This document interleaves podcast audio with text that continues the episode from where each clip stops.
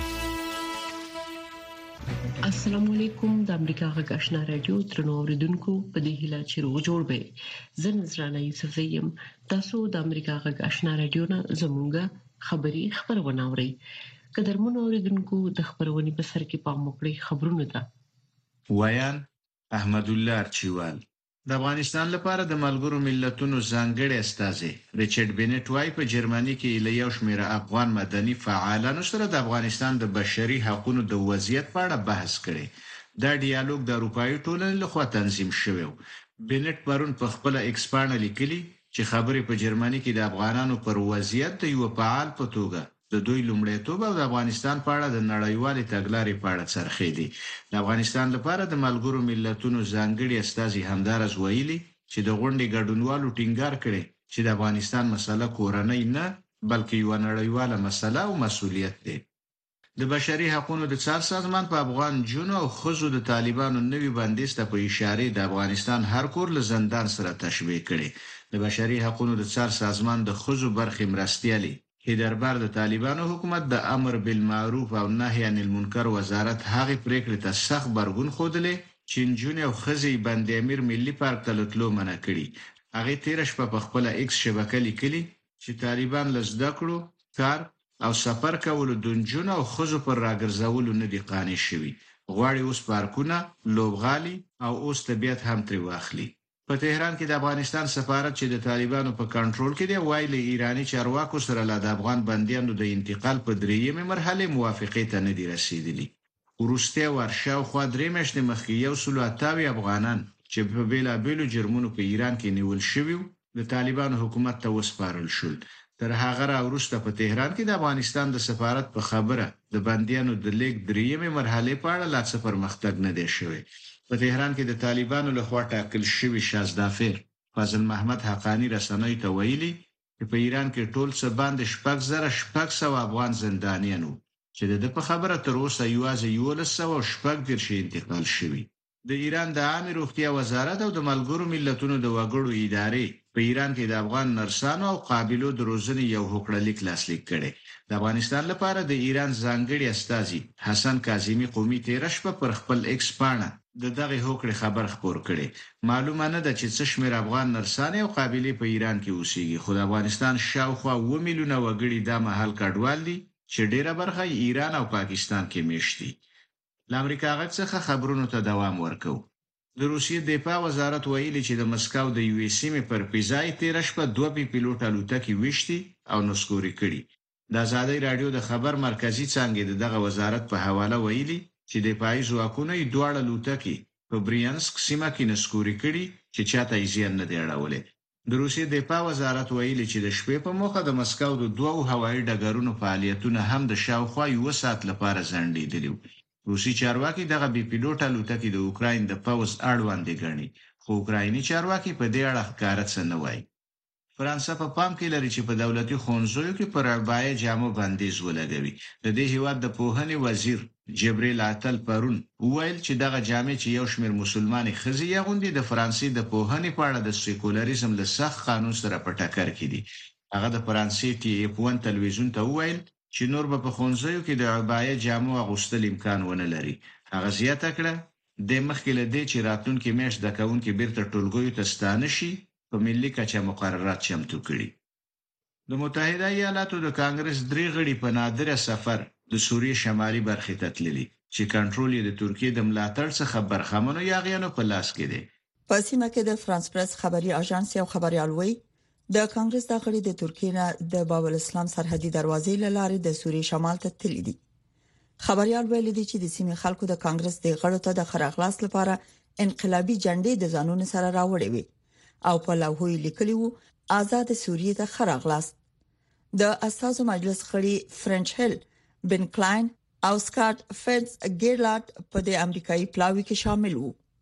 نو شاباشنا امریکا غاک د لوبو له ډګره وروستۍ خبر دا دی چې د افغانستان د فوټبال تر اوولس کلنو کم عمره لوبډلې د مرکزي اسیا جام سیالیو درېیم مقام وګاټه. د افغانستان د فوټبال فدراسیون په خپله فېسبوک پاڼه کې ویلي چې د افغانستان د فوټبال ټیم د کافا جام سیالیو درېیمه لوبه ازبکستان ته درې د صفر پر وړاندې بایلوده او درېیم ځای یې خپل کړ. تاجکستان د دې سیالیو اتلولي خپله کړه او ازبکستان دوهم مقام وګاټه. په دې سیالیو کې چې د تاجکستان پلازمینه دوشنبه کوربانه وه، د افغانستان، ایران، قرغزستان،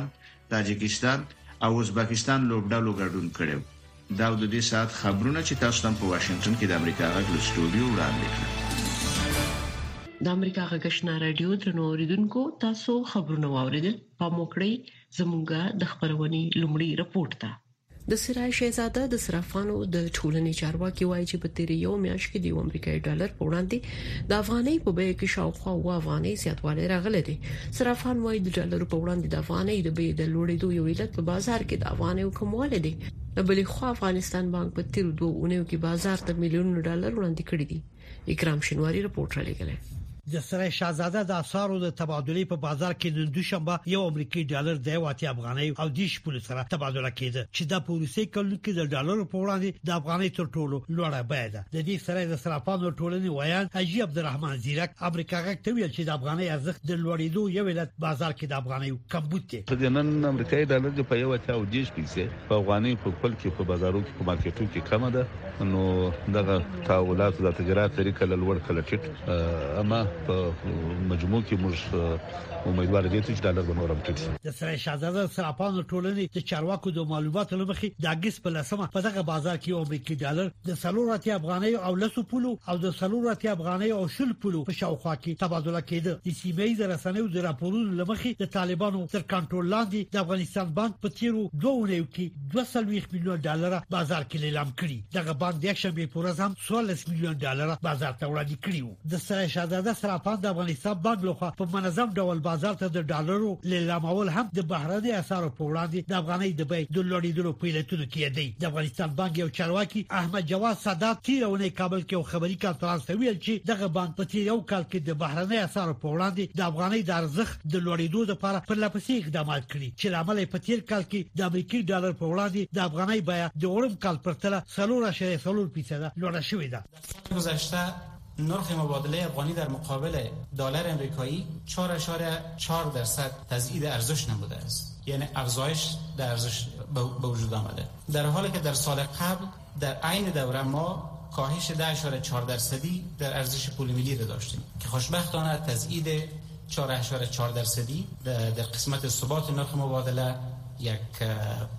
یک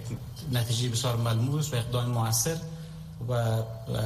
دستاورد بسیار مهم تلقی میشه کسان په دې وروستي میاشتو کې د بهرنۍ اسعارو په وړاندې د افغانۍ ارزښت په پرلپسې ډول لوړ شوی خو د افغانۍ ارزښت تر ډیره د خوراکي او اړتیا وړ موادو د بیو د کمیدو سره مرسته نه ده کړې د خوراکي توکو بیې په داسې حال کې لوړې ختلي چې په افغانستان کې په اکثرو برخو کې د خوراکي توکو د حاصلاتو په ځانګړي ډول د غنمو د حاصلاتو ټولول پیل شوې دي د طالبانو د حکومت د کرهڼې او بولګولو وزارت سرپرست وزیر عطاولا عمري په دې وروستي کې د طالبان تر کنټرول لاندې ملي تلویزیون سره په مرکه کې ویل چې سکهال په افغانستان کې تر اوسه د غنمو 15 میلیونه ټنه حاصلات ترلاسه شوي خو د ملګرو ملتونو د خوړو نړیوال پروګرام دبليو ای پی په افغانستان کې د دریم پر لپسې کال وچکالي او د افغانستان په شمالي ولایتونو کې د غنمو په کروندو د ملخانو يرغل ته په اشاره ویلي چې خی دغه هیواد به د غنمو د کمبود سره مخ شي د خوړو نړیوال پروګرام پر روان 2023م کال کې په افغانستان کې د دیش او پیلي دیش فیصدو ترمن د غنمو د حاصلاتو د کمښت اټکل کړي په افغانستان کې د ډالرو په وړاندې د افغانۍ بیه په داسې حال کې لوړه ختلې چې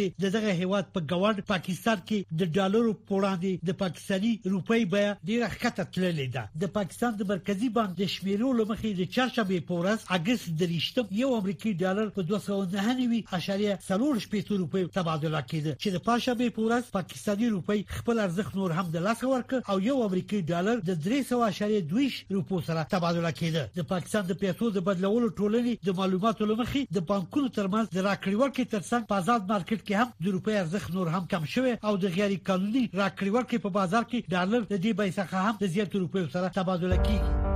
د بدلون پر مهال کله چې د نړۍ وضعیت څرګند نه وي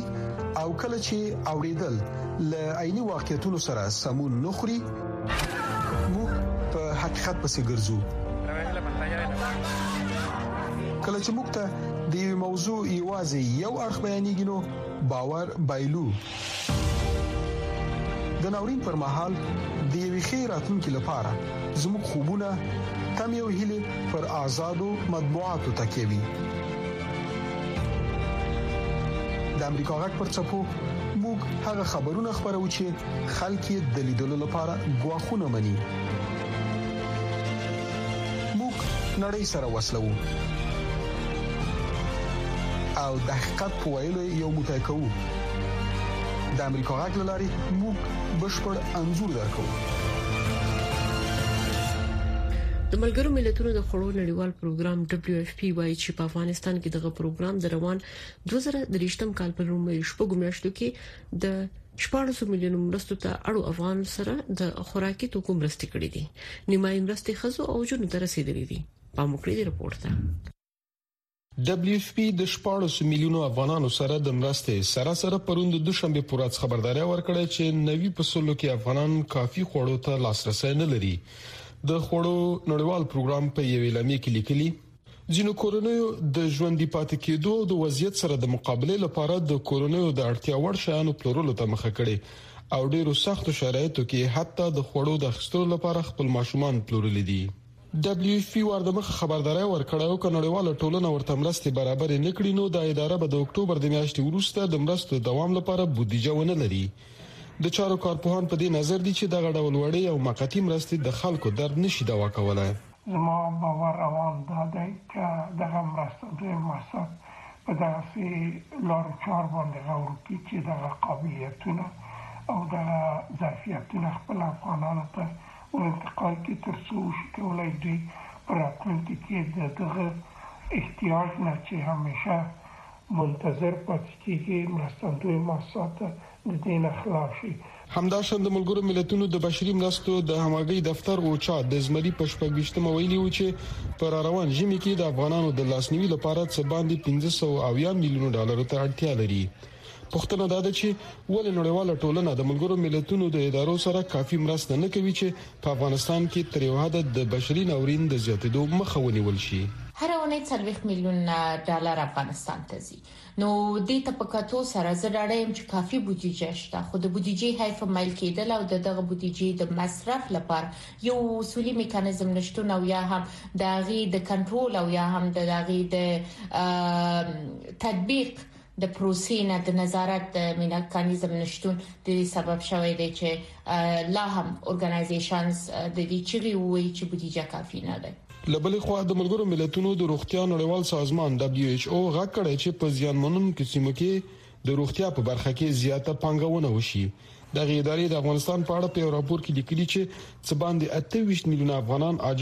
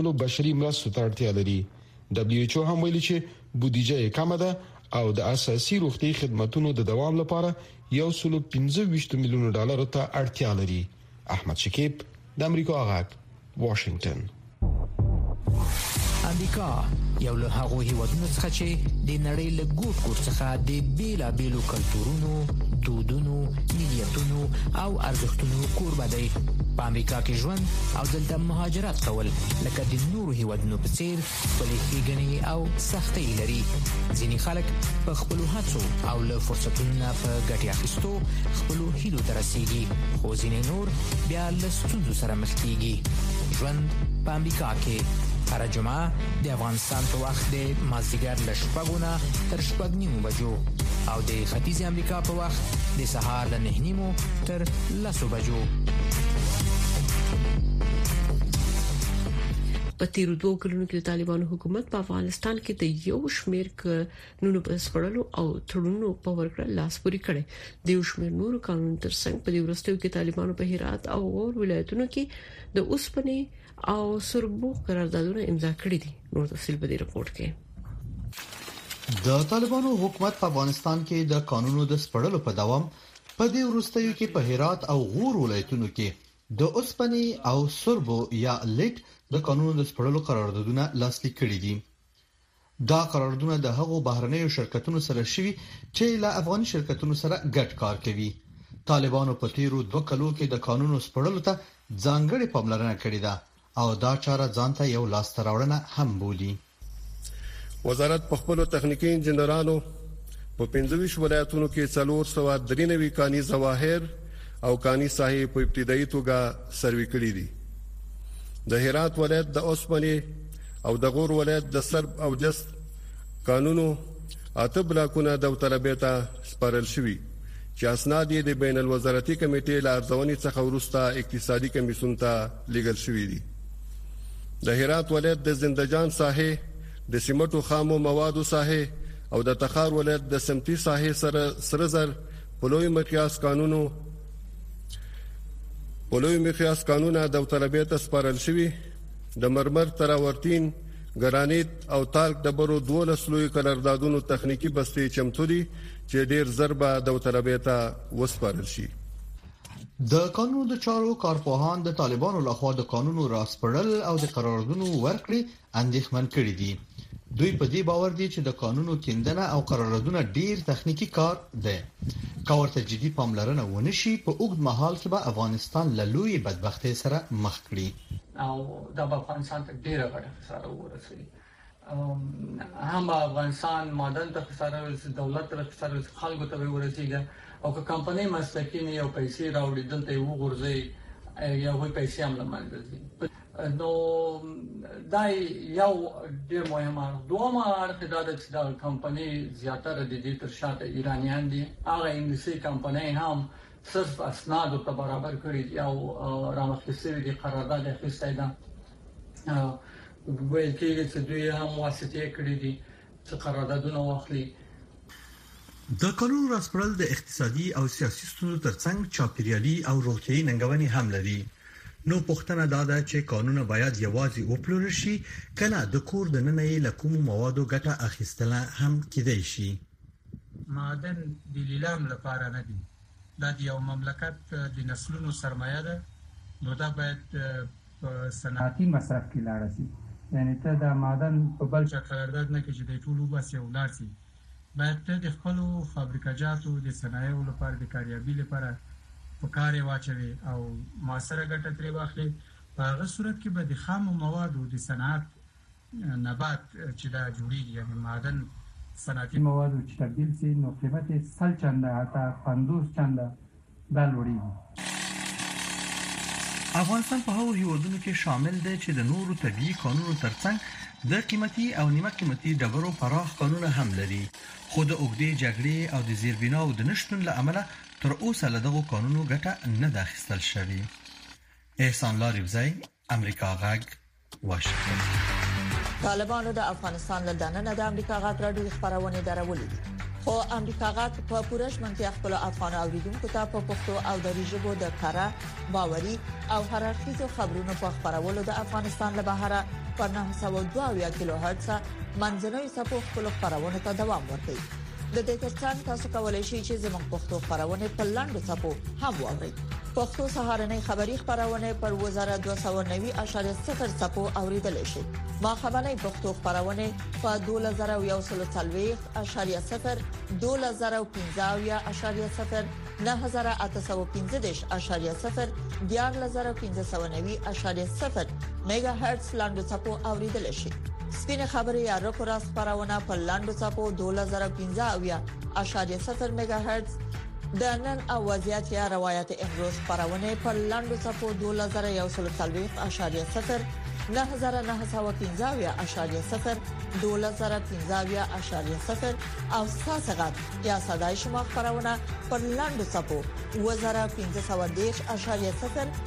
9350 مګاهرتز اوریدل شي وروسته له هغه چې د متحده ایالاتونو په خواني ولسمشر ډونالد ترامپ تیر اونۍ ځان په جورجیا ایالت کې د ټاکنو د درغلې او د تور لامل چارواکو ته وسپارو د 2023 کال د جمهوریت ریاست په ټاکنو کې د هغه د کاندیدورۍ په اړه یو ځل بیا پوښتنې مطرح شوې نور تفصيل په دې رپورت کې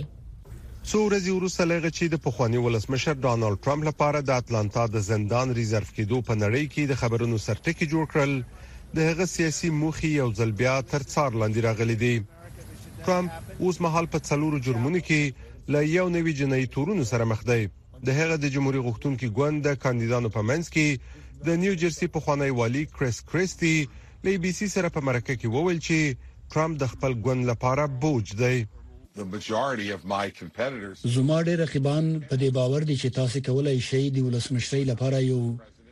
محکوم مجرم نوماند ولرئ چې ملاتړ به یې کیږي او کیدای شي ویې ګټي، زه فکر کوم دا امکان نه لري. جمهوري غوښتونکي نوماند ویویک راماسوامي چې تیره اونۍ د کریس کریسټي سره یو ځای د یاد ګوند په لومړۍ مناظره کې برخه اخیستې وه، د ان بي سي په یو پروګرام کې د ټرمپ د لاسته راوړنو تصدیق وکړ.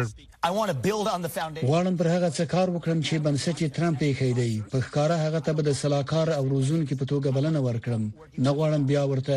درسونه زده کړم، غواړم له هغه ځایه یې پیل کړم چې درېدلي وو. د بایډن د کمپاین یو مشر سدرک ریچموند ای بي سي ټلویزیون ته ویلي چې د ټرمپ حقوقي مشکلات به د ولسمشر بایډن د 2024 کال د بیا ټاکل کېدو د کمپاین ستراتیژي نه وي. هغه څه چې ولسمشر بایډن او لومړۍ مرستیاله کاملا هریس په اړه ویلی شم، هغوی تل د امریکا پر خلکو تمرکز کوي، بنان هغوی به د قیمتونو د ټیټیدو، د تنخواوو د لوړیدو، د منځنۍ کرښې د بیا جوړیدو په شان مسایلو باندې خپل کار ته دوام ورکړي. خو په داسې حال کې چې دیموکرات رای ورکونکي د بایډن د عمر په اړه اندېښمن دي خپلواک سناتور برني سانډرز لی بي سي سره په خبرو کې وویل چې تمرکز باید هغه څه ته واوړي چې د پالیسۍ په ډګر کې له خطر سره مخ دي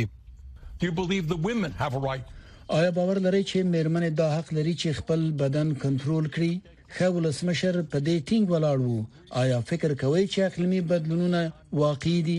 یا دا چې له جمهورري غوښتونکو سره موافق یاست چې دا یوه مسئله نه ده. په ورته وخت کې ټرمپ چې خپلې ټولې غلطې کړنې ردوي، له خپلو جنایي څېړنو څخه د 2024م کال د جمهوري ریاست د ټاکنو لپاره ګټه پورته کوي. په دې کې د نوموړي د محکمې عکس هم شامل دی چې اوس د بسپنې د راټولولو په موخه په بیلابیلو توکو چاپیږي.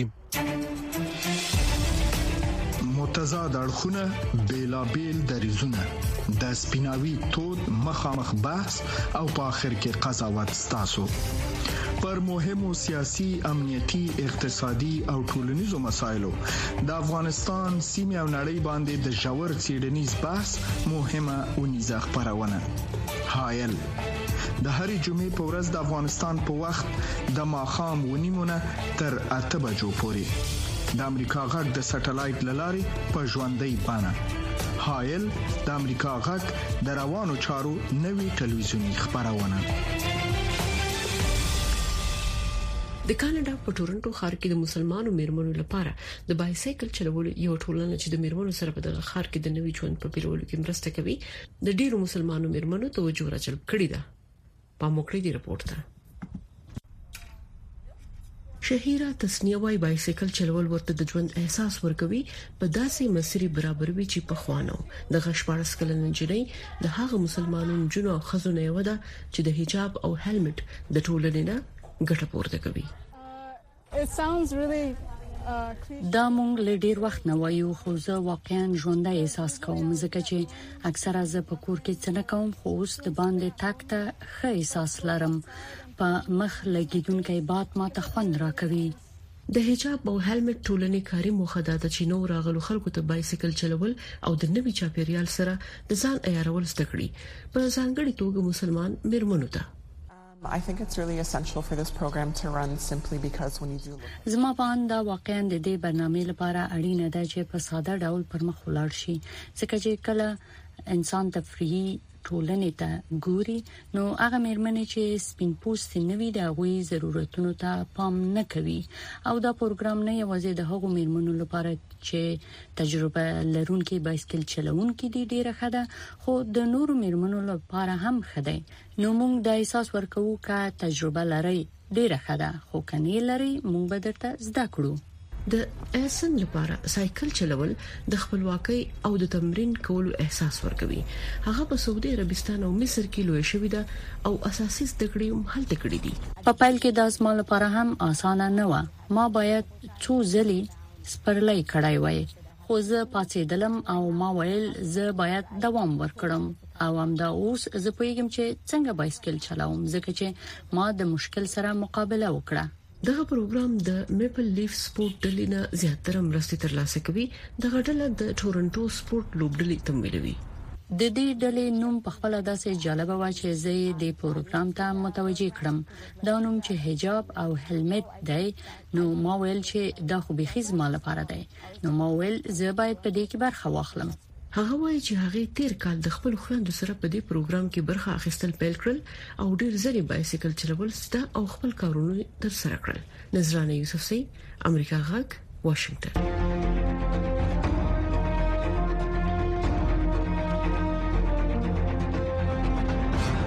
اتصال